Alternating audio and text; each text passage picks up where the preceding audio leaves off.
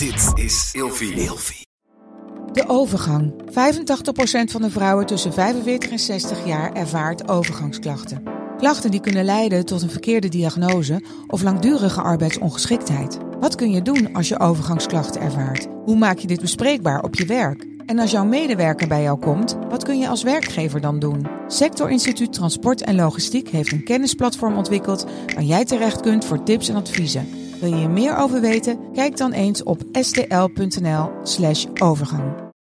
Slapen jij en je partner al jaren in hetzelfde bed en wordt het tijd dat je de onderdelen van het bed moet vervangen?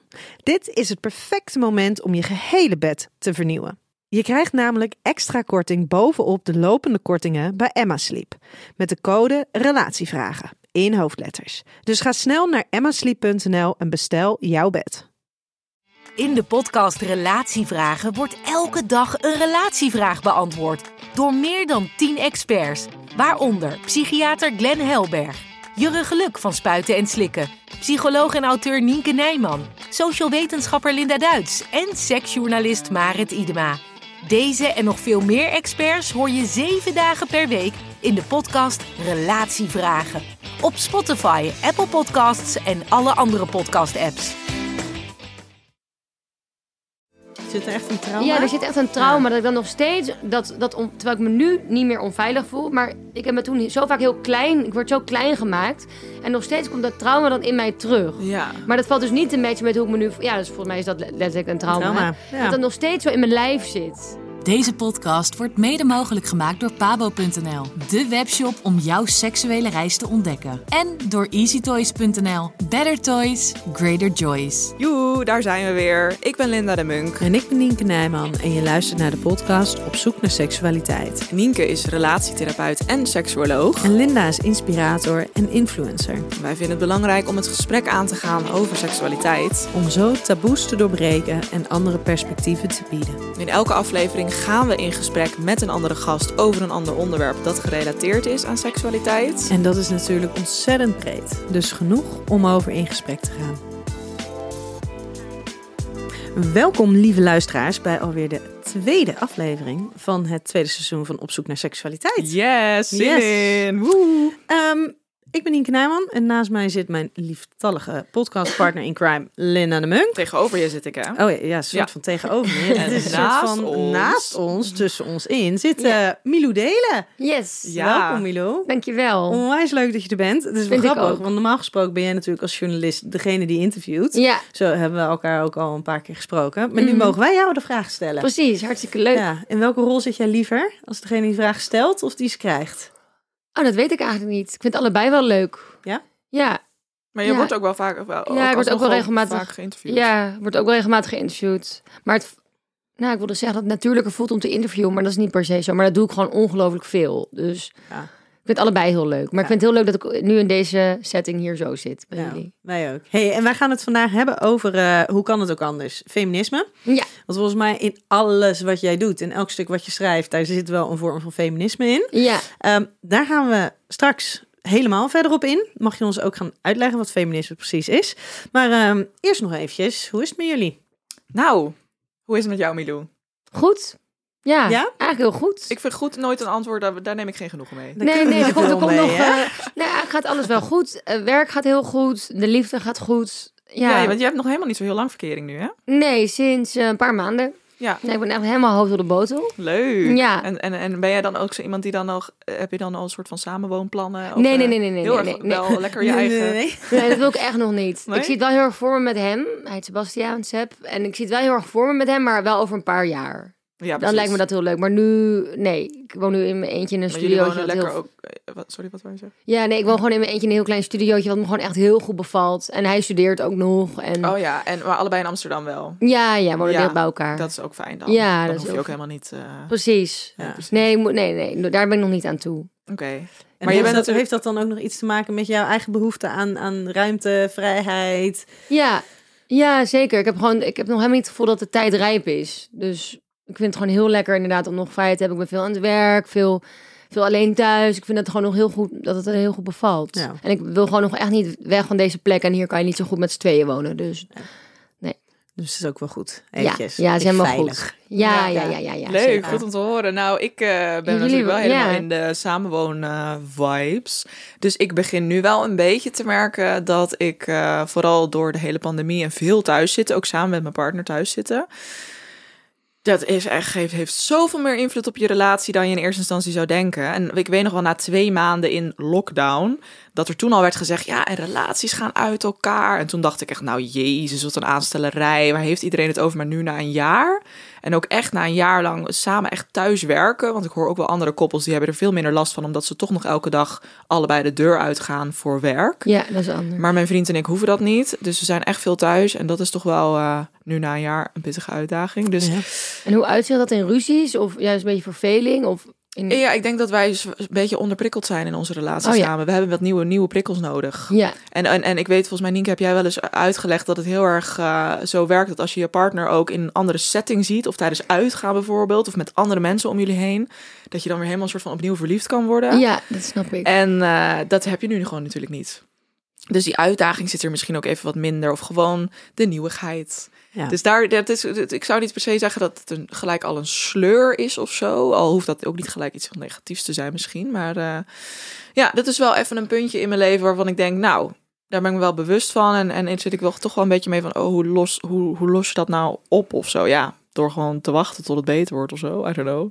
Ja, Ja, maar de, ja. de- de tijd, Ja. tijd alleen doet niet zoveel. Nee, Het ligt nu natuurlijk een beetje aan wat je met de tijd Ja. doet. Maar we, zitten, we, we zien nu wel een beetje een soort van licht aan het einde natuurlijk. Ja, bedoel- omdat er vaccinaties Ja. komen. Ja, we zitten nu, de- deze aflevering komt dan in, de, de- komt dus in mei en dan zitten we toch al wel weer een beetje, ik zie wel een beetje licht aan het einde van de tunnel, hoop ik. Ja, Ja, Toch? Dus dat helpt ook al wel. Dan gaan we fantaseren samen over, oh, en dan gaan we weer op een fest, naar een festival. We hebben onze eerste festivaltickets trouwens. Oh, al. Oh, Ja, welke? voor, voor Into the Woods in september. Oh, ja. oh ja. Ja, en Milkshake is ook bevestigd. Ja, Dus oh. daar kijk ik echt naar uit. Maar dat is dan op basis van negatieve tests doen bij de ingang. I don't en- know, geen idee. Ik heb, ik heb gewoon geen idee. En ze kunnen het altijd nog afblazen als het uiteindelijk niet lukt. Maar eh, ze mochten wel volgens mij al festivals plannen voor na, eh, na juni of na juli, geloof ik. Milkshake Ja. is eind juli, dus Ja.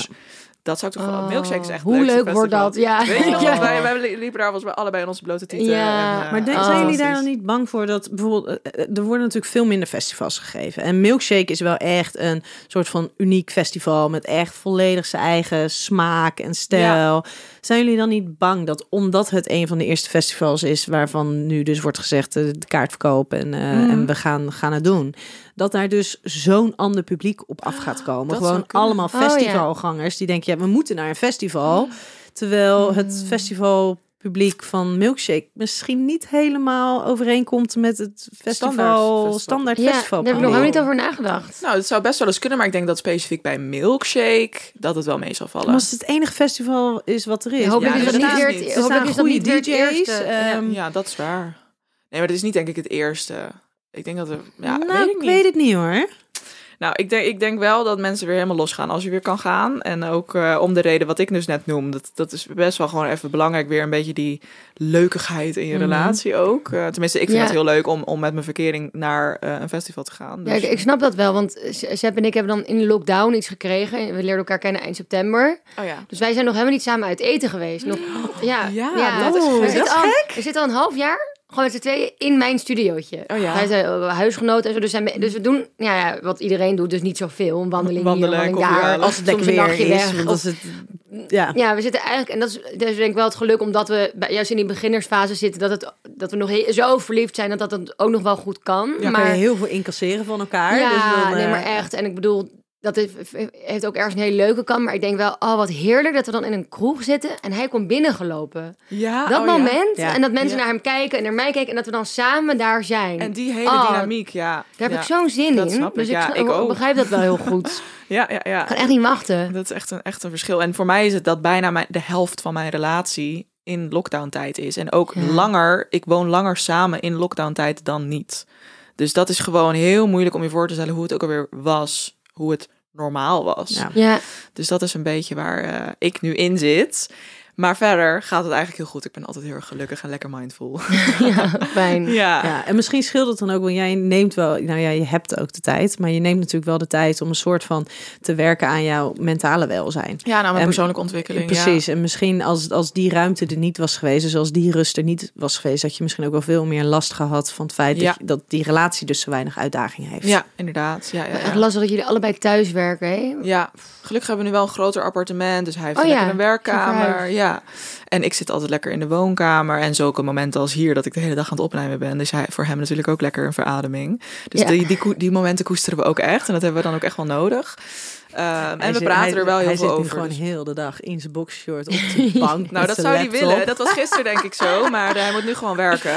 Ja. Dus eh, nee, ah, inderdaad. Dat lijkt me typisch iets. Maar dat heb ik zelf ook. Dat zou ik ook doen als ik alleen thuis was. Want dat, Ja. die momenten zijn zeldzaam. Alleen thuis zijn. Ja, Oh, ja. herkenbaar. Ja, toch? Herkenbaar. Ja, Ja, en bij jou? Vooral als je moeder bent natuurlijk ook al. Ja, Oh het is of ik ben. Ik weet nog wel dat het echt de eerste vanaf eh, vanaf dat de jongste geboren werd, die is nu 3,5. Maar ik weet dat ik die eerste 2,5 jaar nooit, letterlijk, nooit een moment alleen thuis was geweest. Want of mijn man was er, of die kinderen waren er. Mhm. En als ik weg was, was ik dus aan het werk. Kan je er wel specifiek Mm. eh, om vragen dat je zeg maar zegt, nou, nu heb ik even behoefte om alleen thuis te zijn. Dat je dat dan toch ja, met maar elkaar goed, even dan onderling kan, je, regelt? dan kan je natuurlijk een beetje lastig je, je, je man en kinderen het huis uitzetten. Nou, dat kan toch?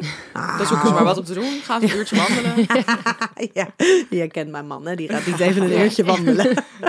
nee, maar, maar het grappige is dat nu ehm, eh, het gevoel van... Wij, wij werken heel veel samen. Hè? Eh, mijn man en ik. Die, eigenlijk al het werk wat hij doet, dat, eh, dat, dat heeft met mij te maken. Ehm, maar we zien elkaar dus eigenlijk bijna nooit. Dus ik verheug me echt gewoon weer op. En dat heeft dus niks met corona of lockdown te maken. Maar ik verheug me juist heel erg op meer tijd, samen. En Oh, wij ja. zouden dus, ehm, nou ja, wij zouden dus eh, nu vandaag. Vandaag is het moment van uitzending. Ehm, zouden wij met vrienden zouden wij eh, lekker anderhalve week op vakantie gaan Oh. naar Ibiza Oh, ja. met, zon, met zonder kinderen, zonder kinderen. Oh. Ja. Super fijn. Maar ja, we, zouden, we hadden bedacht, we gaan met de auto. Want dan zijn we alleen, zeg maar, op onszelf gericht. Ja. En dit zijn onze beste vrienden. En die, die zien we al heel veel in, in coronatijd. Dus dat is, dat is oké. Mhm. Ehm, hoef je nergens met andere mensen in aanraking te komen. Je bepaalt zelf waar je stopt. Je kan in één keer doorrijden met, met z'n vieren. Ehm, en we huren daar een huis, dat we daar ook lekker Ja. gewoon helemaal in principe In zelfvoorzienend eh, zijn. We hadden nog bedacht, oh, dan nemen we gewoon echt alleen maar kratten met, met eten bezig, zodat je daar ook zo min mogelijk lekker naar de winkels hoeft. Maar ja, we gaan dan met de auto en dan moet je dus door Frankrijk, dan moet je door België. En die zit met avondklokken. Dus we Oh. kunnen dan niet in de nacht, kunnen we daar niet doorheen niet? Rijden. nee, nee. Oh. En Maar heb- heb- doe je dan niet nu iets in de plaats daarvoor? Nou, en dat, maar daar merk ik dan gelijk dat ik me gelijk een beetje een soort van schuldig over voel. Want ik zou dan daar ook mijn verjaardag hebben. En als ik dan Oh, weg ja. ben, dan is het soort van ook wel duidelijk voor de kinderen. Nou, dan ben ik weg, dus dan Mhm. zijn ze er gewoon niet.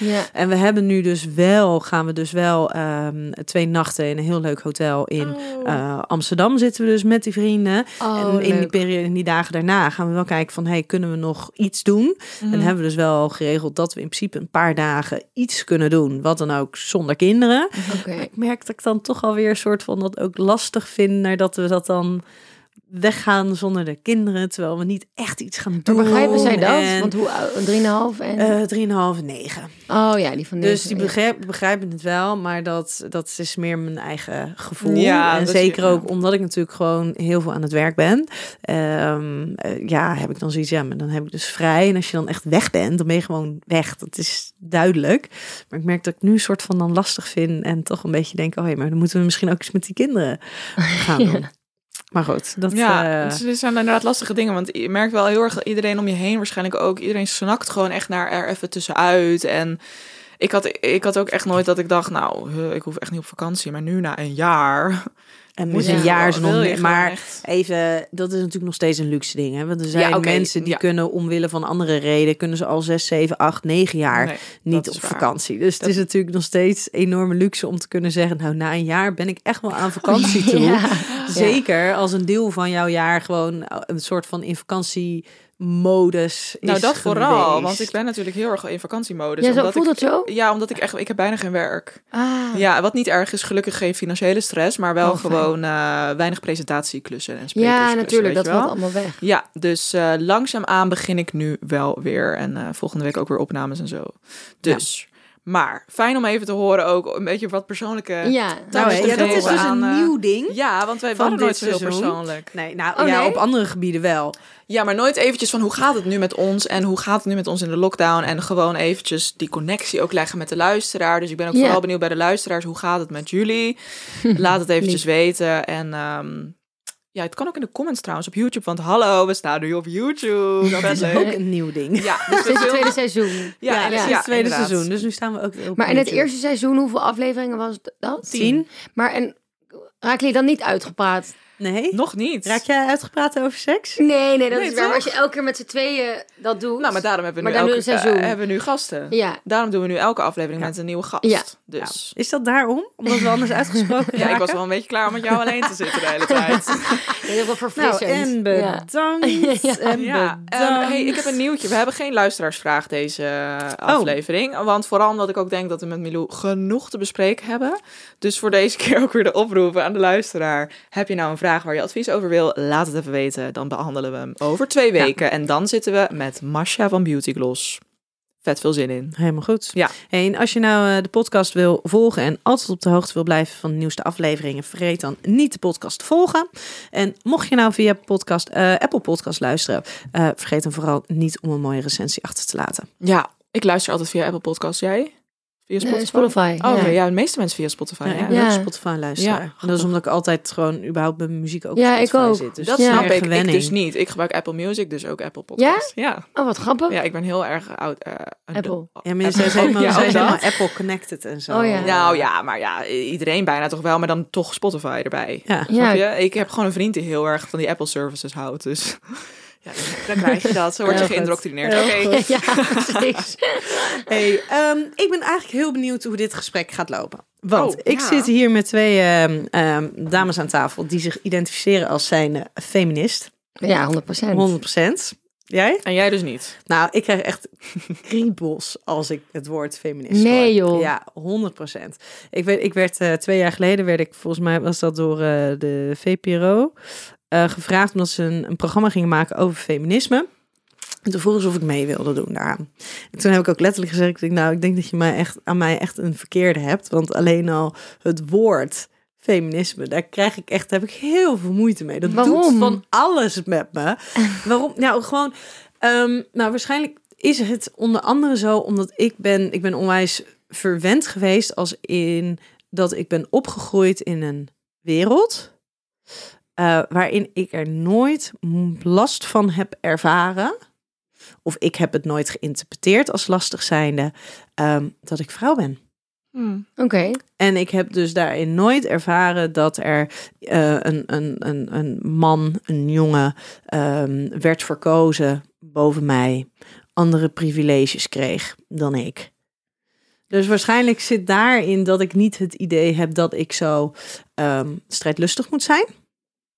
En dat ik echt moet gaan voor het stuk gelijke rechten en voor vrijheden. Omdat ik in een wereld ben opgegroeid. En dat is natuurlijk, natuurlijk is het heel egoïstisch om te zeggen dat ik dat dus niet nodig heb.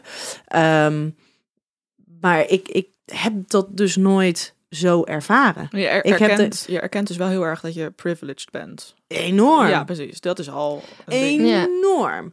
Terwijl, En- Ja, terwijl ik denk inderdaad, als je het zelf niet ervaart, nou, dat lijkt me echt super fijn. Ik bedoel, dat is good for you. Maar dan betekent inderdaad toch dat er andere mensen er wel last van hebben. Dus dat, het, dat je er wel dan voor kan zijn. Net zoals ik ervaar geen racisme. Ja. Maar ik vind het wel belangrijk dat we niet dat we in een antiracistische wereld leven. Ja, maar misschien is het dan wel dus ook goed. Want als je kijkt naar wat, wat, wat, hè, de, eh, wat ik doe in mijn werk. Ja, want jij, jij hebt wel die idealen van feminisme. Dus het gaat jou Ja, specifiek om daarom. het Dus dat is precies. Dus Ja. het is echt het woord wat ervoor gebruikt wordt. Plus, ehm, ik denk dat ik, dat, dat ik het niet alleen voor zeg maar de ideeën, het gedachtegoed, waarbij jij eventjes zo in jouw woorden, Milou, mag gaan uitleggen wat in jouw beleving feminisme Ja. is. Ehm, die ideeën van vrijheid, van gelijkheid, van jezelf mogen zijn, er mogen zijn. Dat is natuurlijk wat ik in mijn werk wel heel erg naar buiten draag. En Ja. probeer in de gesprekken met mensen, eh, nou ja, dat daar in ieder geval dat daar beweging in komt. Maar ik doe het niet alleen naar vrouwen toe of naar, naar, naar mensen die zich als non-binair of, of hè, iets, iets op het spectrum identificeren. Dit is voor iedereen. En ook dus voor de mannen. Ja, maar feminisme is ook voor mannen. Ja, maar dan gaan we daar dus eventjes... Ja, leg eens wat, even uit. leg uit. Als we het dan over feminisme hebben, waar ik dus echt oprecht echt zo'n gevoel krijg. Ehm, wat is voor jou feminisme? Ja, eh, voor, voor mij is feminisme dat je bent voor gelijke rechten en kansen tussen iedereen. Voor iedereen. Ja. Dat, dat is, that's it. That's nou, it. Dat, dat is heel Punt. veel, maar ik bedoel, dat is een hele korte uitleg. Ja. Ja. maar dat Ja. vind ik ook. En dan denk ik gelijk dus ook aan, want ik snap wel een beetje waar jij heen wilt. Is feminisme dan niet een, eh, is dat dan wel een goede term eigenlijk ervoor? Dat vraag ik mezelf nu ook af. Het is een hele letterlijk feminisme. Het is een hele vrouwelijke term. Ja, waarom zou dat zijn? Ja, maar ik, hoe ik dan denk, maar dat is misschien dat, omdat ik dan dus in zo'n feministische bubbel leef. We weten toch nu inmiddels al, jij weet toch nu ook dat er meerdere feministen zijn dan alleen het stereotype beeld. Of dat het, dat weet jij toch omdat wij hier zitten al. Ehm, ja, maar toch zit er ook wel een hele grote, denk ik, gelijkenis. Er zit een hele, hele grote overeenkomsten tussen.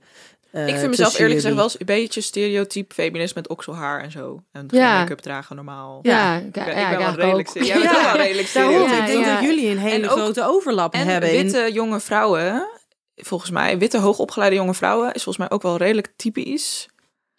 Ja, Als, dat, weet ik, dat weet ik niet. In ieder geval, witte vrouwen.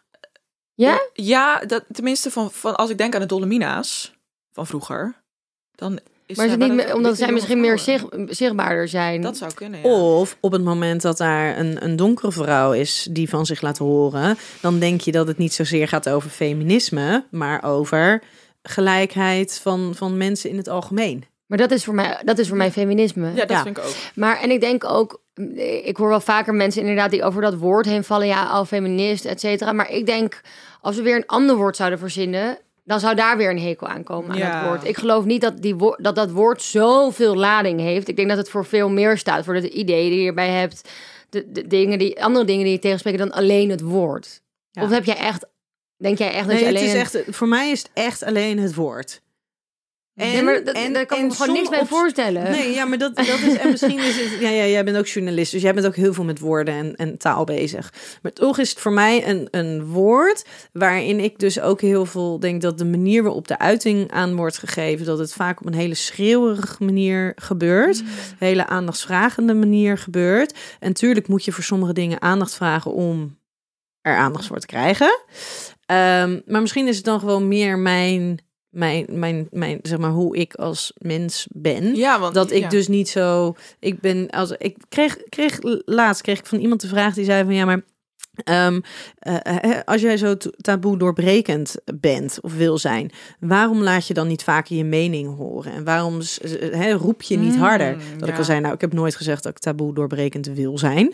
Nou, was- met deze podcast willen we dat natuurlijk wel. ja, maar dit is, dit dat is, dit is wat anders dan dat, je, dan dat het, het gevolg heeft dat er taboes zijn die je bespreekbaar maakt. Of dat je zegt, nou, ik wil dus... Ja, dat dat je doel is. dat, dat Ja, mijn doel ja, is. Dat precies. is helemaal niet Nee. zo bij mij. Ja. En ik denk dat door middel van gesprekken aangaan, ehm, dat dat voor mij is dat veel meer passend dan dat je, dat je ergens ruitjes gaat ingooien. Ja. Jij bent Maar- gewoon niet het type ja. wat op de barricades gaat staan. En ik Nee. hoor dit dus heel vaak. Ook mensen van feminisme die ook die dus over feminisme zeggen... ja, Jezus, is het überhaupt nou nog wel nodig? En is het inderdaad niet een beetje schreeuwerig, een beetje too much... en we worden ermee doodgegooid en bla, bla, bla. Ja, en het ligt ook, je wordt ermee doodgegooid als je in de bubbel zit. Hè? Ik hoor jou net al zeggen, ik zit in de Ja. feministische bubbel. Die bubbel, daar kom je er in, met heel veel mee in aanraking. Ga je het kijken over het hele land genomen, Ja, of, nee. is ja. het echt al veel milder. Ja. Ja. Ja. Oh ja, maar, Maar ik kan me juist voorstellen... want ik zit, omdat wij allebei in die bubbel zitten... merk ik het dus eigenlijk niet eens echt meer. Nee, ik- Nou, is heel misschien normaal. is ook een stukje gewenning. Dat Ja, is het, ja, het is heel natuurlijk, normaal ja. geworden. Dus ik denk juist iemand die wat meer buiten die bubbel staat... die, die kan observeren van... hey, Jezus, ik word er echt mee doodgegooid. Maar ik denk gewoon met alles waar we verandering in willen, daar moeten mensen voor schreeuwen. Ja, En daar moeten, dat- en dat is dan misschien meer activisme. Dus ik Ja. zou mezelf een activist noemen, want ik, ik heb ook heel veel vriendinnen en vrienden die zijn feminist, maar die, die zeggen er eigenlijk bijna nooit wat Die over. doen er niks over. Nee, die, maar die, die zijn feministisch, maar die, ja, die doen er niks over. Eh, Ja, ik eh, hoor misschien, ja, ze zouden zich denk ik wel feminist noemen, maar goed. En ik ben een activist en jij ook, denk ik, Ja, inderdaad, dat je er wel. gewoon... Er, ja, dat je er veel over zegt. En nou, ik zie het niet per se als schreeuwen, maar meer gewoon mijn mening uiten. Maar dat kan als schreeuw worden Ja. gezien. Ja, ja ik schreeuw niet echt eigenlijk. Niet letterlijk. Jij, dus- nee, Ja, maar, maar jij ik niet doe dat letterlijk. wel. Jij Ik- wel. ik vind dat ik jij dat doet wel dat wel doe. meer. Maar wat is Ja. schreeuwen dan? Gewoon veel aandacht vragen voor iets. Nou ja, ik weet eigenlijk niet hoe ik dat eigenlijk Maar het is ook helemaal niet ik- erg schreeuwen. Nee, nee, precies. Want ik denk vooral Ja. dat inderdaad in dit gesprek is het heel leuk dat we net niet hetzelfde over denken, maar uiteindelijk zijn we natuurlijk wel allemaal voor hetzelfde. Eh, Staan we er wel allemaal voor en uiten we het allemaal op een andere manier. Ja. En nou ja, ik vind, ik denk er ineens aan van ja, ik schreeuw misschien wel omdat ik gewoon heel erg mijn okselhaar in iedereen's gezicht probeer ja, te duwen. Of ja. tenminste, zo, ik snap dat mensen dat zo kunnen ervaren. Want, Ja. En tuurlijk, als iemand tegen mij zegt, Linda, ga je okselhaar scheren, dan wil ik het juist in hun gezicht duwen. Ja, ja, Snap je? Dus snap zo op die manier ben ik misschien wel een beetje schreeuwerig. Ja. Maar dat zou ik dan nog eerder provocerend noemen. Maar inderdaad, ik snap dat dan wel. Ja. Ehm, maar, maar uh, ja. Maar ben jij het er niet mee eens, Nienke, dat dat, dat dus nodig is? Net Ja, zoals met, ja, ben ik benieuwd met, naar. met- ja, met alles waar je Nou, verandering wil. misschien, misschien is dat ook wel dat. dat eh, eh, ik denk wel dat er, er zijn veranderingen nodig. Want ik, ik, ik zou idealiter. Ik wil gewoon naar, mens, naar een wereld toe waar elk mens gewoon mens is. Punt. Ja. Ja. Dat is wat ik heel graag zou willen. Ja, Ehm, en vanuit mijn werkveld gaat dat vooral over, over seksualiteit en relaties. Dat je gewoon als mens zijnde voel je je dan wel niet, dan wel wel aangetrokken tot ander mens. En geef je op een bepaalde manier uiting aan je relaties en, en aan je seksualiteit. Gewoon op een manier die bij jou past. Ehm, weet je, dat zou, ik, dat zou ik geweldig vinden als we naar zo'n wereld toe Ja. kunnen gaan. Ehm, en dan snap ik ook wel dat, dat, ehm, dat er dingen voor nodig zijn om dat te bereiken. Maar ik ben dus niet degene die letterlijk met de borsten bloot gaat. maar dat hoeft dus ook niet. Want dat hoeven we dus niet dat- allemaal te doen, maar wel Ja. een groepje. Ja, Want- dus ja. wel een groepje. Ja, Ja. nee, maar dat is, dus, dat is dus zo, ja. Je kan jezelf dus nog wel feminist noemen. Want mijn vriend noemt zichzelf ook feminist. Maar die zou nooit op zo'n manier zichzelf daarover uiten als ik. Ja, Nee. maar en dan denk ik toch weer, dan denk ik, ga ik feminist noemen? En ik, nee, ik ga mezelf geen feminist noemen. Terwijl, Ja, Eh, want dan is het voor jou meer een principe ding. nou, is, nou ja, weet ik niet. Ik weet niet of het een principe ding is. Nee, dat niet. Het voelt voor mij echt het woord zelf. ehm, dekt voor mij dan onvoldoende de lading van wat ik doe. Ja, misschien ook. Ja, dat zou kunnen. Oh, dan, ja. Want wat ik, ik las een stuk van jou. We gaan zo trouwens echt naar het stukje feminisme en seks hoor. Maar Nee, nee, ik las inderdaad een stukje van jou over dat jij jezelf intersectioneel ehm, feminist noemt. Ja, ja en daarbij las ik inderdaad de omschrijving. En toen dacht ik, ja, maar dit, dit is zeg maar dit, de boodschap daarachter. Dat is Ja. wat, ik, wat ik onwijs ambieer. Als ik dan iets ambieer, dan is dat het. is dat het. Ja. Onwijs. Ehm, maar ik zou mezelf dus nooit zo noemen. Ja, Maar dat komt misschien omdat jij dus minder activistisch bent. En Milou, dat, jij bent, Ja, ja, en is ik heb- basically je werk. ja, Ja, ja. dat is ook anders. Ja, ja, ja, maar en misschien is daar dus weer dat stukje activisme, wat er bij jou dan in zit. Ehm, en ik heb gewoon moeite met labels. Maar ik, Mm, maar ik oh denk ja, dan... dat, ja. Ehm, het liefst zou ik trouwens ook geen label de hele tijd voor alles gebruiken. Maar ik denk gewoon dat je... Het is toch een soort kleur bekennen. Dat je erkent dat iets zo is. En door dat woord... Ik denk als meer dan mensen zich zo noemen... dat je dan toch laat zien waarvoor je staat. En ja, je, je, bent je bent bewust van de stereotypes... die rondom feminisme hangen, et cetera. Dus toch? Mhm. Dus dan denk ik, wa- wat is er dan zo moeilijk aan het woord? Ja, dat Ja, dat ik gewoon. vind het Ik echt denk wel ook leuk. niet dat we eh, hier daar nu Nee, over nee, uit dat gaan hoeft ook komen. niet. Dat hoeft ook niet. Hey, maar wij gaan eh, naar de drie stellingen toe. En die zijn wel echt meer gericht op eh, feminisme en seksualiteit. Want feminisme Ja, is natuurlijk benieuwd. onwijs breed. En dat gaat over financiële dingen, gaat over werkplekken, Politiek. gaat politiek, Alles. gaat over Ja. van alles. Maar we gaan het vandaag hebben over seks. Ja, leuk. Ja? Ja, ja. Ben je er klaar voor? Ja, 100 procent. Ben jij er klaar voor? Ja, oh ja, wat ik nog wel even wilde zeggen. Sorry, nou dan ga ik het weer onderbreken. Maar Mhm. in onze eerdere aflevering van de podcast ben jij natuurlijk wel altijd enorm. eh, ik ben snel geneigd om, als we het over seksualiteit hebben, het heel erg te koppelen aan vrouwelijke seksualiteit. En er moet meer aandacht voor de vulva en bla bla bla. Maar Nienke, jij zegt dat daar ook wel bij, waar ik het ook mee eens ben. Ja, maar hallo, we moeten die mannen ook niet vergeten. Nee, die mannen, Dus nee. die snap ik ook wel heel goed. Dat wou ik nog eventjes Ja. noemen, want ik Ja. vind dat ook een goede. Eh, ik denk dat jij dat ook doet vanuit dat hele een beetje niet, nou toch wel een beetje tegen het woord feminisme aanschoppen. Mhm. Dat doe jij daaruit vanuit Ja. daar, toch? Ja, Want het, is, het gaat niet alleen over vrouwen. Het zijn niet alleen vrouwen die, precies. die daarin ehm, meer ruimte moeten krijgen, meer, meer, nou ja, meer vrijheid moeten krijgen. Het zijn ook, dat is het, het zijn ook, maar ook, maar ja. het zijn dus ook mannen. Het zijn Alle mensen. Er zijn zoveel mensen die niet beschikking hebben tot, nou ja, tot alles waar, waar bijvoorbeeld ik wel beschikking tot heb. Weet je, alleen al het feit als je het over privileges hebt, de, de, hoeveelheid kennis die ik heb over seksualiteit en over relaties, weet je, dat is natuurlijk ook een privilege. En ik vind het ook heel fijn als iedereen Dat wel. die kennis Ja. zou hebben. Hè? Ja. Ik zou het ook fijn om, vinden om mijn werk gewoon nog te behouden. Maar ik vind het ook wel fijn als Ja, ja, iedereen, en ongeacht wie je bent als mens. Dus ik zit inderdaad veel meer in dat, dat, dat iedereen, Ja. mannen, vrouwen, iedereen. Mhm. En niet alleen maar vrouwen. Ja, Ja. ja. dat wil ik toch even noemen. Maar goed, de Ja. stellingen. Ja. Ja? Ja. Oké. God. Ehm, Oké, de eerste stelling. Elke vorm van vrouwelijke seksualiteit heeft een kern van feminisme in zich. Oh, nou dat komt wel een beetje neer op wat we net... eh, Eh, elke vorm van vrouwelijke seksualiteit heeft een kern van feminisme in zich. Maar wat, wat is dan een vorm van vrouwelijke seksualiteit? Gewoon e- elke willekeurige uiting van vrouwelijke Dus seksualiteit. op de manier hoe ik mijn seks uit, mijn seksualiteit uit. Ja, voor mij heeft dat wel een enorme koppeling aan, aan feminisme natuurlijk. Ja, maar ik denk niet voor elke vrouw. Nee. Als je als vrouw ehm, andere vrouwen verkracht of zo, vind je nou niet echt een super feminist. Ja, dus hebben een hele botte. Nee, ja, maar. Ja, ik snap Ja. het. Dus ik denk niet dat dat. Nee, ik denk dat niet per se. Je kan. ik- ja.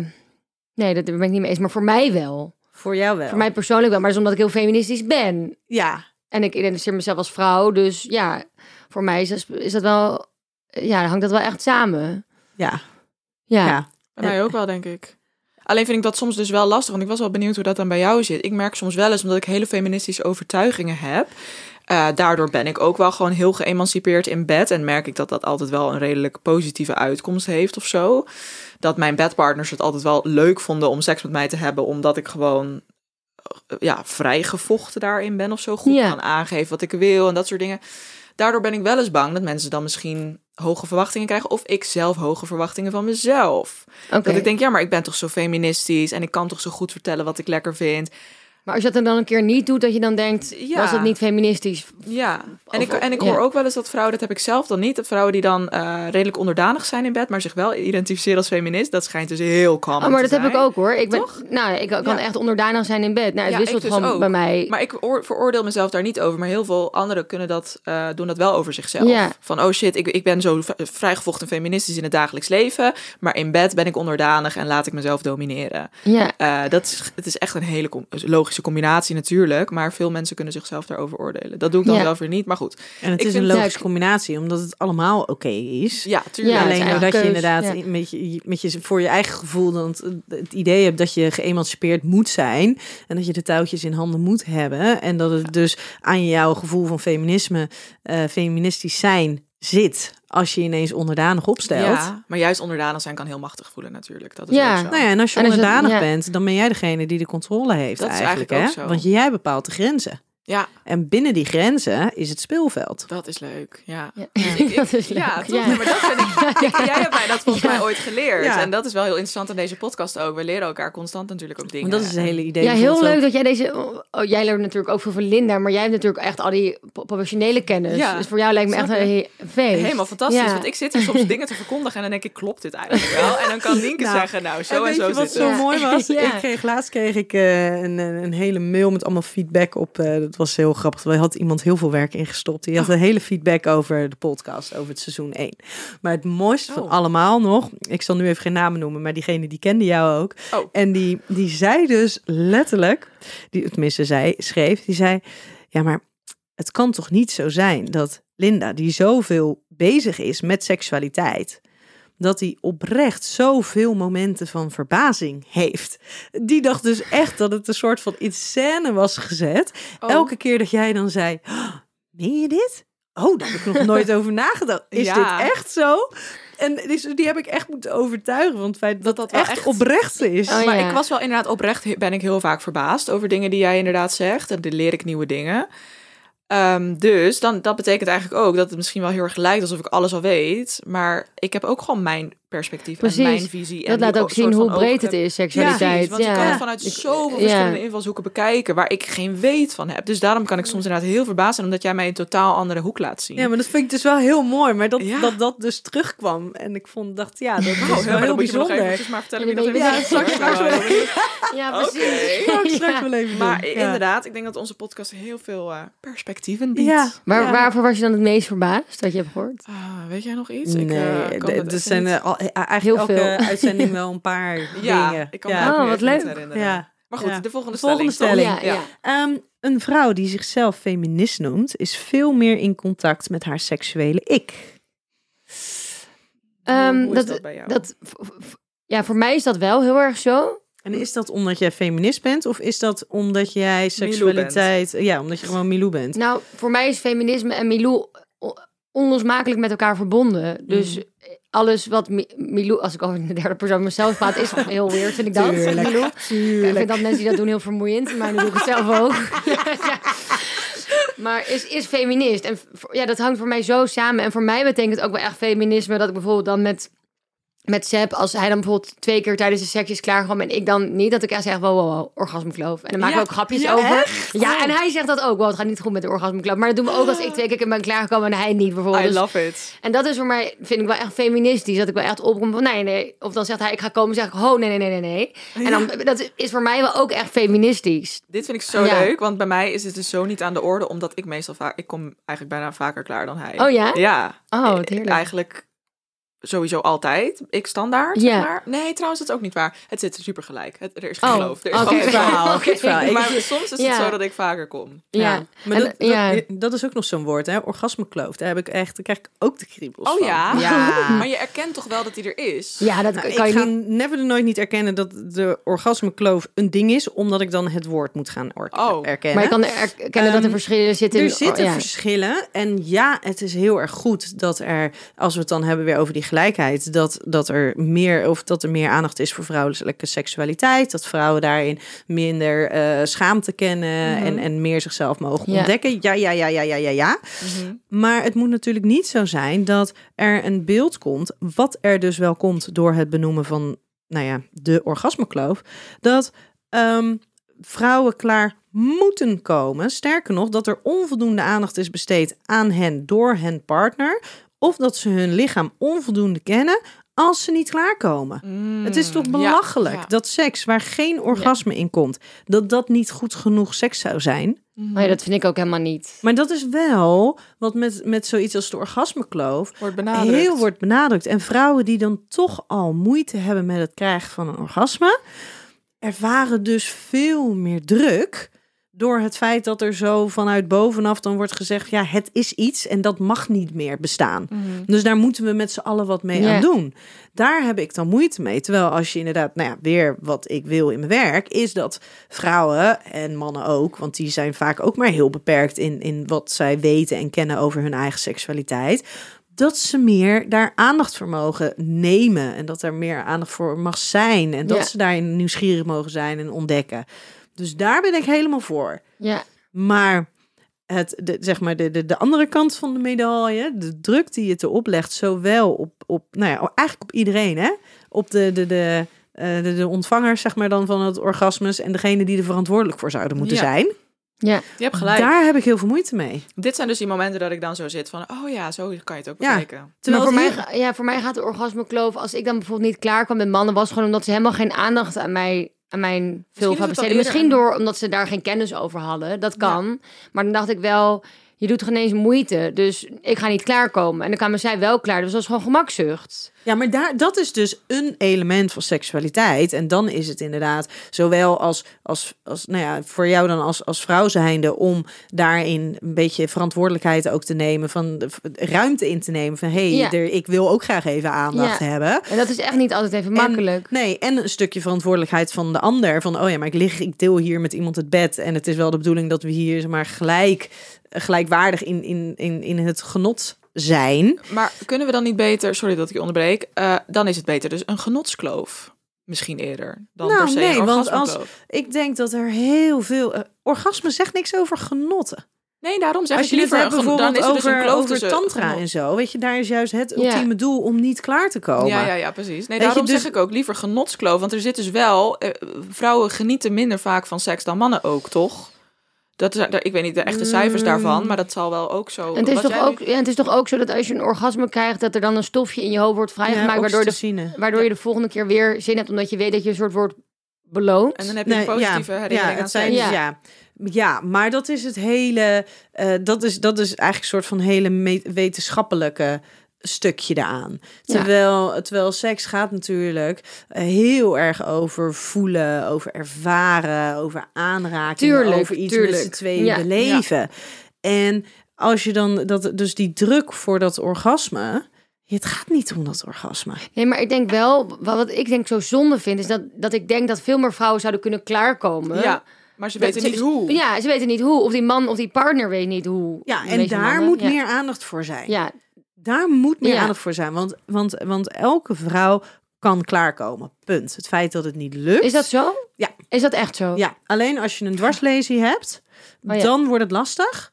Eh, omdat dan zeg maar letterlijk kan, hè, afhankelijk van hoe je dwarslezen ligt, of zelfs wel alle vormen van dwarslesie, dan, ehm, dan, dan is Dan het is het letterlijk de verbinding tussen je brein en je geslachtsorganen, die is natuurlijk letterlijk wordt die doorbroken. Maar voor de rest kan, je, kan iedereen dus klaarkomen. Want als je het bijvoorbeeld hebt over vrouwen die besneden zijn, ehm, daar zit bijvoorbeeld dan littekenweefsels, daar kan bijvoorbeeld een stukje van de clitoris weggesneden zijn. Maar de clitoris is natuurlijk een heel groot Ja. Orgaan. orgaan. Dus, en er zijn dus ook heel veel vrouwen die zeggen juist van ja, maar je moet bij mij helemaal niet op het topje zijn. Je moet juist de hele clitoris Ja. stimuleren. Dus iedereen kan een orgasme krijgen. Je moet alleen weten hoe. Maar zo erg, want ik heb echt veel vriendinnen die tijdens de seks met hun partner, met een losse one night stand, gewoon nooit klaarkomen. die gewoon maar zeggen, dat- ik kan het is- niet. Nee, maar dat is gewoon echt hun eigen hoofd. ja. Ja. Dus echt, en dat is dus ook een van de dingen. Ja. ehm, heel veel van het niet kunnen klaarkomen zit hun hun eigen hoofd. En omdat, en- omdat heel veel partners, of vooral in mijn ervaring mannen, niet ja. bezig zijn met jouw clitoris. Nou ja, Dat of in ieder geval ook, niet met jouw genot. Want de, de- Ja. je genot zit natuurlijk niet alleen in je clitoris. Nee, maar daardoor komen de meeste vrouwen wel klaar. Ehm, ja, door directe stimulatie van de clitoris Ja. uiteindelijk daarmee wel. Maar dan, dan alsnog kan het zo zijn dat jouw jouw partner kan nog zo vaardig zijn. Als jij je hoofd, als jij je, je- Nee, je remmen erop ja. hebt, Ja. Gaat het niet. Ik heb het, ik heb het ook soms. Dan ben ik zo gefocust op dat orgasme. Ja, ja, en dan gebeurt het niet. En dan lukt het echt Nee. niet. En dan zegt Nee. ze ook wel zo mooi. Je, zit zo, je bent er te erg op gefocust. En denk ik, oh ja, ja, dat is zo. Ja. Terwijl de keer daarna, als ik gewoon daar niet mee bezig ben, dan kom ik wel klaar. Ja. Ja. Ja, dat is ook Ja. niet fijn hoor. Dus ja. daarin is het dus echt zo, je partner kan in sommige situaties nog zo vaardig zijn. Maar als jij de remmen erop houdt, gebeurt er helemaal niks. Ik vind het Ja. heel goed om zo te noemen, inderdaad. Ik had er ook nog niet zo vaak op die manier naar gekeken. Ehm, dus oké, dan ik vind ik bl- blijf wel bij de orgasmekloof. Ik ook. maar- De- daar- Ja. jullie Ik ook. zijn Ja. nodig voor dat soort termen. Ja. En dan bekijk ik hem van de andere kant. Dat is Ja. waar. Ja? Ja. we hebben nog een stelling, toch? Ja, we hebben nog een... eh, ja. leuk, Oeh, leuk. deze vond ik heel interessant. Ehm, een feministische vrouw zal nooit misbruik van zich laten maken. Nee, dat is ook niet waar. Want Nee, ik ben ook ik- feminist, eh, feminist heel erg dus. En voor, voor, voor- Goh. ja, ja, ja, oh, mijn coming out als feminist. Ja.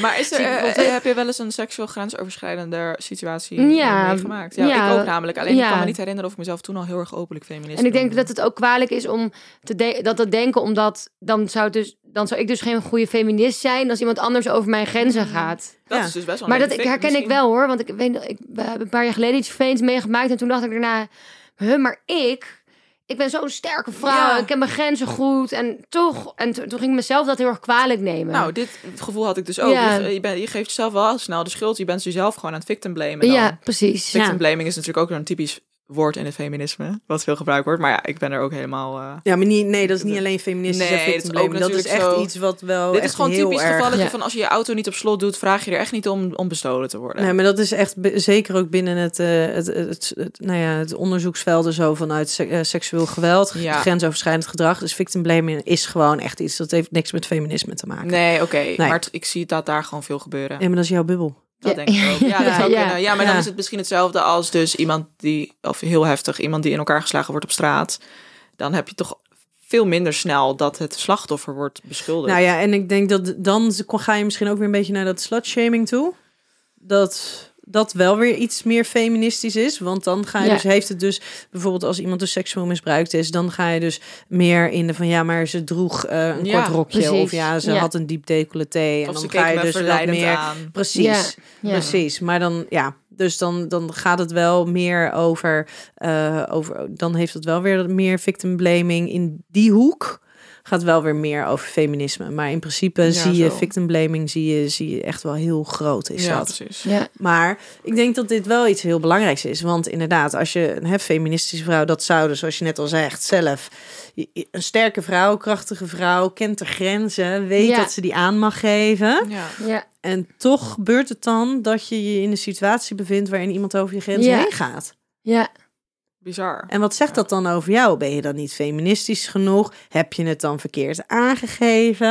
Ja, ja zie dat dus zegt iets echt- over de ander Nee, natuurlijk. Ik, ik vind dat dus niks met elkaar te maken hebben. Om even de, de stelling te ontkrachten. Ja, maar het, het, het, heeft, het, he- het, het zegt wat over de ander. Hè? Laat dat bijvoorbeeld Ja, duidelijk nee, zijn. Maar Ja. wat er dus intern dan gebeurt met je eigen ideeën over Mhm. jezelf in die situatie. Ja, ja, Inderdaad, dat is wel waar. Ja, Het is meer zelf, Ja. self-judgment dan, dan dat de andere mensen daar zo over zouden judgen. Dat ja en waarschijnlijk is je, is je eigen oordeel over jezelf sterker doordat je je als feminist ik identificeert. Maar Ja. ik heb ook wel een partner gehad die daar, dat ik zoiets vertelde. En die werd ook bijna kwaad. Het was dan niet om mij, maar hun, maar jij. En dan gewoon die helemaal boos werd omdat ik was, uh, dat ik uh, te maken had met seksueel overschrijdend gedrag. Maar dat was dan gewoon woede richting die man. Mhm. Maar dat ik, dat, hij kon zich gewoon niet voorstellen dat mij dat was overkomen. Nee. En ja. wat maakt dan dat het ook jou kan overkomen? Omdat het, het kan iedereen overkomen. Ja, Het kan echt iedereen overkomen. Volgens mij gaat het door alle lagen van iedereen heen. Ja. Ja. dat denk ik inderdaad ook wel, ja. Al, heb, al merk ik wel dat als we even kijken naar van die typische opstapsituaties, dat je uitgaat en aan het dansen bent ergens in een kroeg en dat iemand ongevraagd aan je billen zit of zo, wat vooral ook in Groningen bijvoorbeeld, daar komen we zo natuurlijk ook nog eventjes op, heel veel gebeurt. Oh ja? Eh, ja, omdat ik gewoon denk dat daar het is enorme z- uitgaanszien. Oh, ja, natuurlijk. Gewoon precies. veel Ja. jongeren en vooral veel bij jongeren. En de studenten uitgaan. Dus Ja, het, stu- in, ja, het zit ja. heel erg in de studenten uit gaan zien. Maar toch, dan hoor ik het altijd allemaal van vriendinnen en mij gebeurt het nooit. Dus ergens denk ik dan, straal ik dan iets uit, waardoor mensen al zien dat ze dat bij mij niet moeten flikken. Of Ja, ik heb Ja, ook, ik heb, nou ja, ik ben ook in Groningen gewoond. ja. Ehm, en En daar je daar nou je van- studententijd ook? Nee, ik heb van mijn veertiende tot mijn ik, net 18 geworden. Oh ja, ja. Maar ik danste daar heel veel. Oh. Ik zat er op de hiphop school en dat Ah, was leuk. voor Oh, 18 leuk. plus en ouder. En wij moesten dus heel veel eh, dansen, ook door de weeks. En in principe elke donderdag, vrijdag, zaterdag, dan hadden we, gingen we of stappen na trainen. Of Oh ja, toen kon je ook nog stappen op je optredens, 16e dat soort natuurlijk. dingen. Ja, Oh ja. Eh, nou ja, op mijn veertiende dus al. Oh, wow. Ehm, dus toen waren we er in ieder geval bijna wel drie dagen in de week.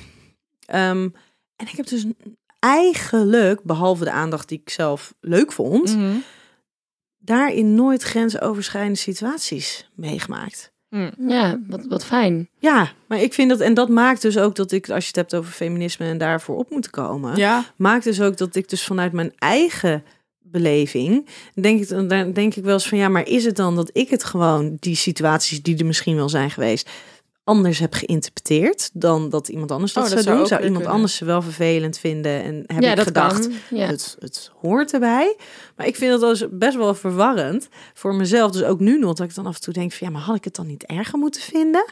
En wat Ja. zegt het dan over mij dat ik het niet, dat ik het niet als dusdanig Ja. heb, heb ervaren? Mm, ja, Nou, misschien heb je het inderdaad geïnternaliseerd dat het erbij hoort. Of vind je het gewoon niet erg? Ja.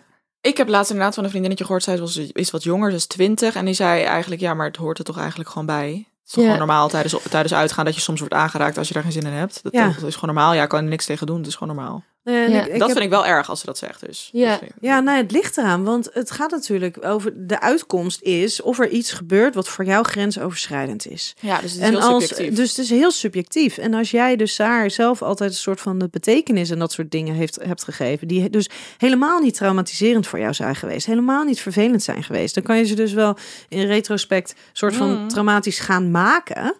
Maar als je er dus geen last van hebt gehad, ik bedoel, een situatie daar, die, die wordt grensoverschrijdend op het moment dat jij vindt dat het Ja. grensoverschrijdend is. Nou, inderdaad. En ik heb dat bij mezelf. Ik, ik heb, merk dat ik daar zelf ook niet echt zo over denk. Maar me wel realiseer hoe dat bij anderen kan, eh, uit kan pakken. En traumatisch inderdaad kan zijn. Dus daar wil ik wel voor opkomen. Ja. Dus ik ben Ja. wel iemand die tijdens uitgaan... als ik zie dat een meisje of, of wie dan ook... wordt, nou ja, lastiggevallen... of als er al iets van een soort van verdachte situatie gebeurt... Ja. Dan ben ik degene, of mijn vriend dus. We zijn samen heel vaak op stap. En dan, wij zijn een soort ja, van de politie ja. van waar gebeurt iets grensoverschrijdends. En we zijn gelijk, we spreken het barpersoneel aan, we spreken de Oh, beveiliging aan. En we zorgen dat diegene eruit wordt Ja. gezet. Dus ik kom op die manier daar heel erg voor op. Terwijl ik het zelf niet zo ervaar. En ook als het me zou gebeuren, lig ik er niet echt wakker van. Nee. Denk je? Maar denk ik, ja. denk Maar- ik. ik ver, ja, ik verwacht het niet. Maar dat Ja. herken ik ook wel hoor. Het is voor mij een tijdje geleden dat ik zeg maar in, in die zie Ja, voor iedereen natuurlijk, dingen maar- is, eh, ja. uit. Ja, nou ja, niet Oh ja, alleen voor- het afgelopen jaar, maar dat het gewoon eh, Jaren. 12 jaar, eh, 14 jaar geleden is. Ja, ja. Maar dat herken ik wel, dus daarin dat waakzame. Maar wat, wat ik me nu ook ineens bedenk, ik heb op mijn 17 heb ik een borstverkleining laten ondergaan. Oh ja, ja. Dus ik had altijd gewoon echt wel hele grote borsten, echt cup I. Ehm, I? dus- I, ja, je zei Oh, eerder, ja. eerder nog een andere letter een keer. Nee, HI. Nee, I. Oh, Dus ja, maar- ja, weet, Ja, ze, ze zijn daarna kleiner geworden. Dus daar zit Ja, andere letter waarschijnlijk in. Ehm, nee, ehm, maar voor mij was het heel normaal. Het was echt heel erg. Misschien is dat dus ook al inderdaad erg. Ehm, voor mij was het heel normaal dat daar dus dingen over werden gezegd. Oh ja. Over mijn borsten. Mm. Want ik dacht, ja, maar ze zijn ook echt massive. ja. Dus ik snap het ook. Het is ook volledig buiten proportie. Ja. Maar ik had me daar al een soort van zo van gedistanceerd... dat als iemand er wat van zei... Oh ja. dat ik er ook gewoon een opmerking over terug kon maken. Ja, oh ja. En dat was wat het was. Oh, je hebt je 16 dat gedaan. 17e. Oh ja, Ja. mag, mag dat? Nee? Nee, dat is medische noodzaak. Ah, wat medische noodzaak. Oh ja. Ja, ja ze waren Ja. binnen drie maanden ook alweer twee kuppen groter hoor. Dan zeg maar. Ja, maar, want het was natuurlijk dat het nog door zou groeien. Ja. Ze Ja. groeien dan nadat je ze hebt verkleind. Ja, want het blijft gewoon groeien. Dus toen had ik ze verkleind. Toen binnen drie maanden waren ze weer twee kuppen groter. Cups groter. Oh, en, en toen? En toen? Nou Heb ja, je- was het gewoon wat was. Ja, En nu wist je dat? Ze, het wist je dat? dat Ja, het weer- was een voorspelling, maar Ja, oh ja. Ja. dat weet je natuurlijk nooit van Nee. tevoren. Nee. Nou ja, maar het is ook niet erg dat je dat dan niet erg vond, die opmerkingen. Ja. Toch? Nee, daarom. Maar ja, dan kan je dus inderdaad zeggen, ja, die waren grensoverschrijdend. Ja, Maar ja, Je hebt ze niet Wanneer zo komt deze podcast online? In mei? Ja. Oh ja, dat Ja. is dan nu. Ehm, want ik ben nu toevallig met een stuk bezig voor Vice. En dat, dat stuk gaat over wat als je verkracht bent en daar geen last van hebt. ja. Het gaat nou, Ja, Ja. wow. mega Ja. interessant. En dat oh, ja, ik zag je oproep. Ja. en het kwam omdat ik een bericht kreeg van een meisje op Instagram die zei: Ik ben toen ik 16 was verkracht door een aantal mannen. En ik heb daar nooit last van gehad. En zij is nu volgens mij, nou ja, mijn leeftijd of 25, weet ik veel, zoiets. En dat vond ik zo interessant. Want is, het- nou ja, het wordt een heel lang eh, stuk, omdat er heel veel verschillende kanten aan zitten. En het is natuurlijk een gevoelig onderwerp. Want waarom ga je aandacht aan dat besteden terwijl er mensen zijn die wel last hebben van een verkrachting? Ja. De meeste mensen. Ja. Dus goed, dit wordt een heel interessant stuk. Zou ik naar jullie sturen? Als het, Ja, eh, Ja, ik ben er net aan begonnen, dus het duurt wel even. Ja. Een stuk. Maar Ja. ehm, jij hebt natuurlijk eh, eh, jouw- jouw eigen strijdlust komt eigenlijk een beetje voort, ook uit, uit jouw periode in Groningen. Ja, Groningen wordt veel genoemd. Ja, Groningen Ja. komt goed uit de Maar toevallig, hier. we hebben er allemaal iets, een verhaal. Ik woon daar nu, jij hebt Ja. er gewoond en jij hebt er gewoond. Dus Ja, dan, maar dan is waar, dat wel want grappig. waar komt jouw strijdlust vandaan om je zo hiervoor in te zetten? Ja, dat komt eh, wel echt door mijn ervaringen bij, of in Groningen bij Vindicat, bij het, het koor daar. Daar begon, daar begon het eigenlijk allemaal. Dat is nu vier jaar geleden alweer. En omdat ik daar, Eigenlijk hartstikke recent. ja, nou ja, Vind je? Ik zo je bekijkt. Oh. Ja, dat is Ja, weer dat Een verschil in generatie. perceptie. hè? Je hebt het over vroeger Ja. als het drie jaar geleden is. Ja, ik vind het wel een tijd. Ja, ja, ja, ja, ja, relatief. En, ehm, en daar zag ik gewoon echt... oh, Het was zo duidelijk dat de mannen ja, waren dus cool als ze veel seks hadden... en de vrouwen waren dan een slet. En ik had het al echt in de eerste week door dat het tegen mij werd gezegd... je moet niet zoenen hoor, want je, anders ben je laag. Terwijl ik had met, nog met niemand daar getongd. En tegen mannen werd juist andersom gezegd. Ja, ook ook niet fijn. tongen. Je moet iedereen tongen en dat lijkt me ook een onwijze druk op die mannen leggen. Want als je dat niet doet, dan ben je een poesie of een homo. Zo wordt het dan eh, geformuleerd. En, maar ik dacht wel, hè, ik weet, niet of ik, een, ik, weet, ik weet niet of ik daar toen de woorden voor had. Dat ik dat seksisme vond, et cetera. Dat weet ik niet. Maar ik weet wel dat ik dacht, de enige verklaring waarom dit gebeurt... is omdat dat een man is en dat ik een vrouw ben. Ja. Dat was gewoon het enige wat ik kon zeggen. En nu kan ik dat allemaal veel beter verwoorden. Maar... En dat vond ik zo oneerlijk. En daar heb ik, daar heb ik me toen na anderhalf jaar over uitgesproken. Dus slutshaming is niet oké. En eh, je moet geen grapjes maken over mijn seksualiteit, want dat werd er vaak gedaan van, is Ja, maar en ik vond een hele mooie wat jij toen ook met die bordjes met dat video die viral is gegaan. Daardoor ken ik jou ook en daardoor ben Ja. ik zo naar je op gaan kijken en heb je me enorm ook geïnspireerd met allemaal dingen. En Nou, heel lief. Ja, dus dat is wel heel erg leuk. Ik denk dat ik me sinds toen ook feminist noem eigenlijk. Ja, zo leuk vind ik dat. Ja, cool hè? Ja, Ja. En, ehm, maar ik weet nog precies een quote wat jij zei. ehm, mijn seksualiteit heeft niks met mijn waardigheid te maken of zoiets. Ja, ja. Dus dat ben ik ook nu steeds gaan zeggen. Want ik snap niet hoe mensen dat aan elkaar kunnen koppelen. Dat als iets wat jij doet met je seksualiteit... is natuurlijk helemaal jouw eigen zaak. En dat maakt je niet meer of minder waardig. Nee, dat, vrouwen verliezen vaak hun respect. En Ja. dat, is, dat is ge- gewoon iets ongelooflijk raars. Ja, dat ja, vind ik dus nou, ook. lief dat je dat ja. zegt. En, daar begon dat bij jou dus allemaal. Ja, bij Vindicat. Ja, bij Vindicat. Ja, oh, en dat heb, daar heb ik dus over uitgesproken met die Fire video. En sindsdien ben ik echt heel strijdlustig en ben ik gaan schrijven. En is dat zo gekomen. Maar dat is wel echt daar begonnen. Ja, ugh.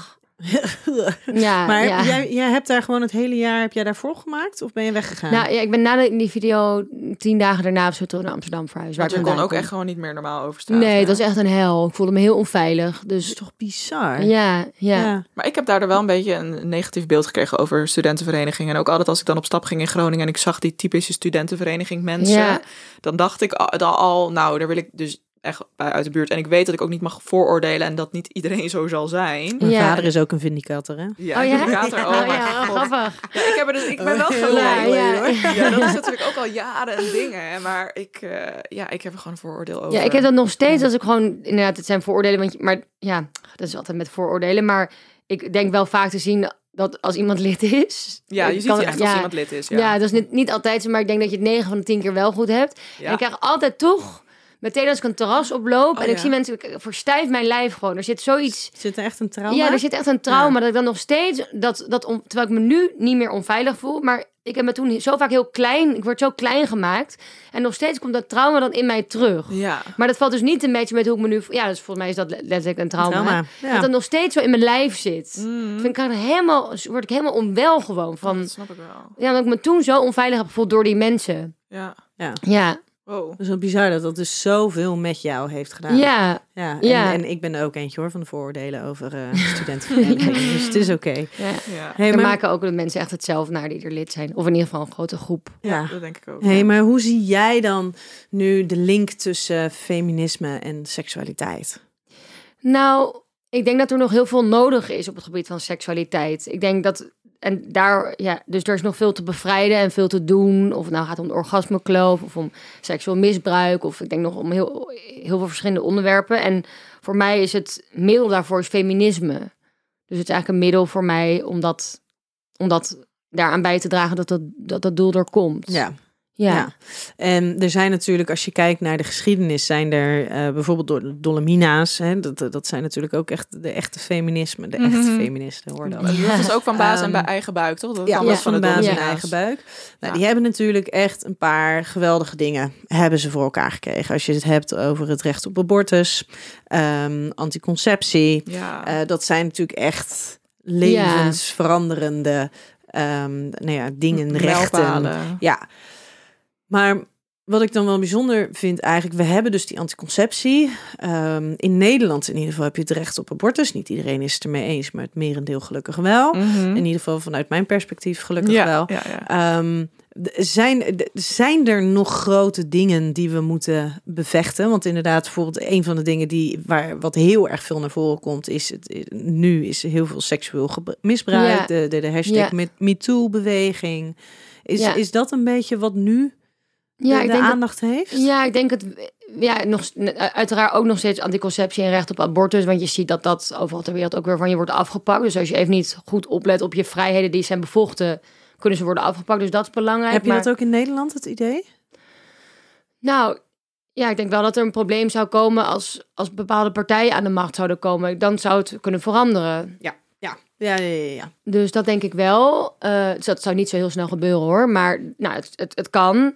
Maar wat je, wat je nu, waar nu eh, voor wordt gestreden, is ook dat verkrachting in de wet go- goed wordt vastgelegd. Dus dat het niet alleen is dat er dwang moet worden gebruikt, maar seks tegen je wil, dat is verkrachting. ja, seks zonder consent. Dat is de nieuwe zeden, Ja. zedenwet Ja. waar het voorstel nu voor Ja, ligt. Ja. Precies, daar zijn ze nu mee bezig. En dat is ongelooflijk belangrijk. En, ehm, En eh, wat ook heel belangrijk is, wat, wat ik heel belangrijk vind, is dat ja, slachtoffers vaak niet worden geloofd bij de politie.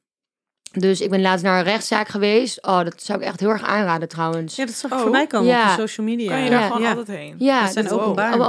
Openbare Ja. zaken. En het was een Wow. verkrachtingszaak. Nou, het was een hele heftige zaak met een TBS'er. Die had een jonge vrouw verkracht, et cetera. Maar zij is eerst naar de politie gegaan en zij werd niet geloofd. Of er werd tegen haar gezegd... Weet je zeker eh, dat, je dit, dat je deze aangifte wil doen? Want ja, als je Mhm. liegt, dan... eh, en hier zijn allemaal opnames van. En dat gebeurt nog steeds vaak. En volgens mij zou... Grabberhaus? Ja, Ja, zou daar zou daar nu hier veel aan doen. Eh zei die afgelopen zomer overigens, nu een half jaar later. Ik weet niet hoe dat nu eh, ervoor Ja, staat. Het loopt nog steeds. Ja, nou dat, dat, er zijn gewoon echt dingen die beter kunnen. Ja, want als je nu, stel je doet nu aangifte van eh, grensoverschrijdend gedrag of verkrachting, dan ehm grensoverschrijdend gedrag is in mijn beleving namelijk niet altijd verkrachting. Nee, hè, nee, nee, nee, nee, dat hè. is ook aanranding. nu wordt inderdaad in het nieuwe voorstel wordt Maar dat el- Ja. alle vormen van grensoverschrijdend gedrag die worden eh, serieus genomen. En Ja. voorheen was het dus inderdaad verkrachting, maar wel met sporen van eh, Dwang. dwang. of geweld. Terwijl de meeste vrouwen bevriezen. Ja, die hebben Ja. een, een, een, een bevriesstressreactie. Dus die kunnen helemaal dat niet. Of die denken, nou doe maar snel, want dan ben ik er vanaf. Ja. Ja. Dat is geen consent, dat is geen instemming. Ehm, maar als je dus nu aangifte doen, doet, dan ga je een best wel heftig ehm, onderzoeksdingetje in. Waarbij je dus helemaal naakt gaan ze op je lichaam, Oh, gaan ja? ze op zoek naar sporen, naar. DNA. Ja, ja, ja. Ehm, dan zijn er dus, krijg je Ja. echt mensen in witte pakken komen dan bij je, om er maar voor te zorgen dat daar geen, Ja. geen nou ja, kruisbestuiving is, zeg maar. Een soort van, even heel eh, stom gezegd. Ja, ja, ja. ik snap Ehm, maar dat is best heftig. ja. Dus daar, en, en, maar ik denk ook dat het feit dat ze dus extra vragen, weet je zeker dat je aangifte wil doen, dat dat dus ook nog zo'n enorme drempel is. En Ja. dat het er heel veel mensen van weerhoudt. Nou, ik doe het maar niet, want dan ben ik er sneller klaar mee. Ja, of, als je Dan ook al weet van, oh, dan gaan straks allemaal mannen in witte pakken aan mijn lichaam zitten. Precies. Ja. Dat zou, Ja. dat zou ook al... eh, Ja, Ja, ik dacht ook deze rechtszaak, dit, hij was weer een hoger beroep gegaan. Deze man, hij is overigens wel veroordeeld, kreeg ik vorige week te horen. Fijn. Dus Oh, dat is, ja, was ik hartstikke blij mee, had ik ook overigens verwacht. Maar ja. zij moet meer dan van die rechtszaak onder. Dit loopt al jaren. Jeetje. En het was echt een gruwelijke verkrachting, maar ja, dat, pff, jezus, die is al, dit neemt al jarenlang. Dus dan heb je en dat trauma, wat de verkrachting zelf, maar ook nog eens voor, eh, dit dubbele trauma dat de politie niet gelooft. En dan Ja, nog jarenlang hele- dit ja. proces. Dat is Ja. echt vreselijk. Mhm, Dus Ja. die regelgeving daaromheen. Uiteindelijk kom je dan toch heel vaak, ook als je het over feminisme en seksualiteit hebt, op de politiek uit. Dat is het wel gewoon Ja. heel vaak. Of gewoon een algeheel beleid. Of een algeheel, nou ja, ook wel natuurlijk heel erg cultuur. En hoe verander je zoiets? Hè? Dat duurt natuurlijk ook jaren. Ja. Voordat, zo'n, voordat onze cultuur ook verandert. En, en, en we zeggen trouwens altijd wel dat Nederland een heel feministisch land is. Maar dat valt dus best wel nog mee als je ook kijkt naar hoe lang, Ja. eh, hoe kort het vaderschapsverlof is en al dat soort dingen. Ja, En hoe, grappig hoe- dat je dat dus dat je dan refereert naar het vaderschapsverlof en als je het dan over feminisme hebt. Nou, maar dat, lijkt- hoort daar enorm bij. Ja, Ja, maar dat heel lijkt dus enorm, maar ja. de breedte van het feminisme. Precies, ja. Laat dat inderdaad. dan Ja, weer zien. ja. Want en, en, en maar dan uh, ook gewoon de hele simpele dingen als eh, vrouwen die eh, een, een kind op de planning hebben met, met de- hoe zij worden gediscrimineerd op de kans van een baan. ja. Ja. Eh, daar gaat het denk ik voor een heel groot deel ook al mis. Met dan weer uiteindelijk komt het weer op de loonkloof. En zo heeft dus seksualiteit, met, of eigenlijk feminisme, is zo allesomvattend. Ja. Echt Ja. niet normaal. Maar ik denk inderdaad, want bijvoorbeeld slutshaming aanpakken, dat is veel minder concreet. Je kan Ja. niet zeggen van, nou, vanaf nu slutshaming, nu wat anders. Er is geen Of- wet voor. Nee, er is Of geen wet voor. Ja. dan En, of zo. precies, en dat, nou, daar zijn nog wel, eh, kan je nog wel natuurlijk Ja. wetten en et cetera op, op, op, eh, aanpassen. Maar eh slutshaming, dat zijn denk ik culturele dingen. Dat gaat Ja. zo lang duren. Ja. En zo'n wet over verkrachting is natuurlijk ook niet op de een of andere dag Nee. gemaakt. En dat duurt ook heel lang. Maar Dat dat, zijn wel concrete ja. dingen die echt, oh, dat is zo belangrijk. Ja. En als jij nou, eh, want wij moeten hem namelijk alweer eh, zo gaan Ja. afronden. We Ja. gaan echt ontzettend snel. Eh, Zo, we zouden wellicht nog moeten zo hier, uur ja, zeggen, misschien moeten we hier nog een, een de sequel eh, van Ja. maken. Ehm, twee vragen. Ja. Hoe heb jij er last van gehad? Van het feit dat jij dus eh, zo dat, nou ja, je zo identificeert als feminist zijnde. Op wat voor manier heb jij daar last van gehad?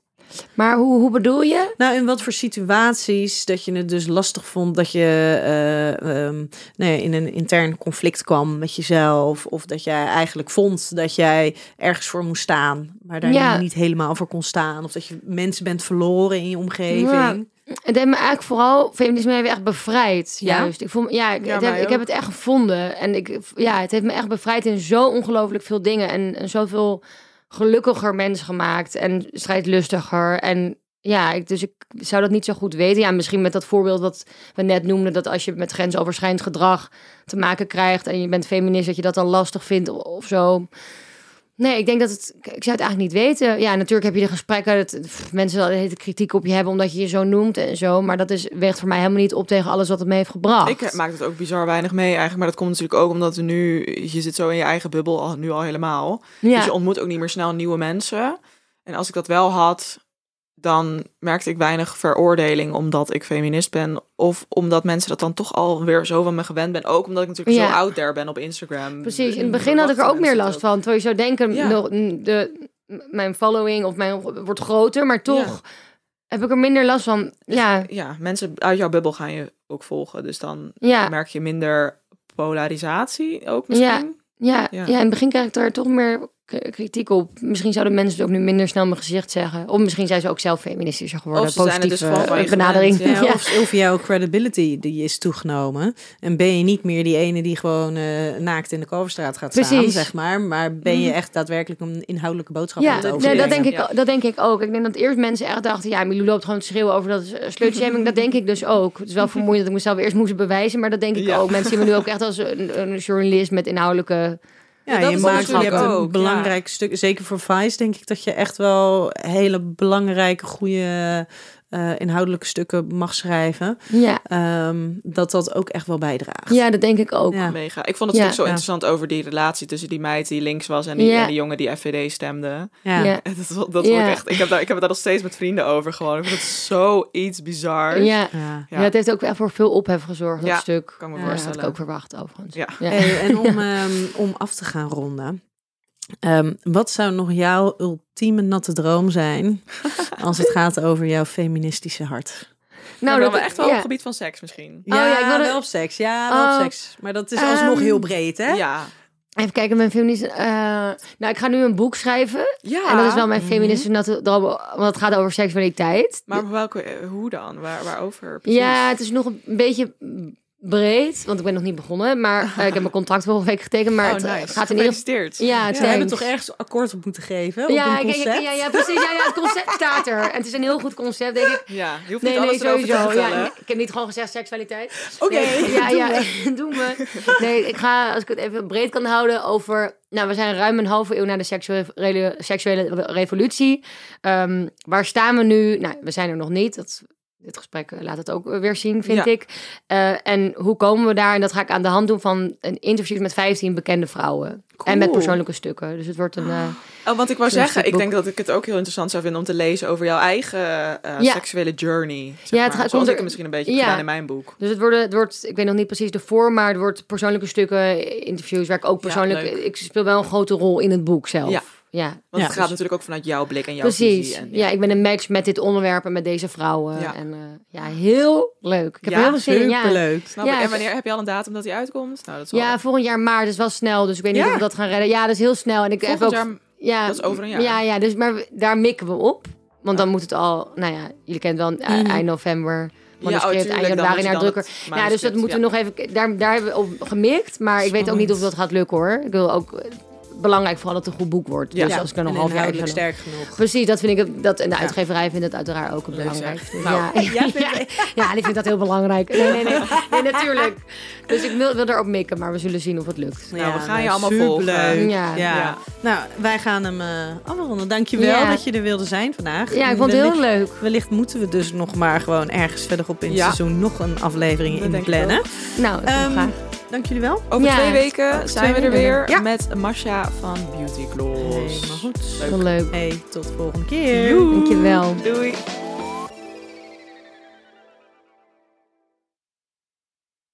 Met de code Relatievragen in hoofdletters krijg je 10% korting bovenop de 50% korting die je nu krijgt op het bed dat ik bijvoorbeeld heb. Dus ga snel naar emmasleep.nl en bestel jouw bed.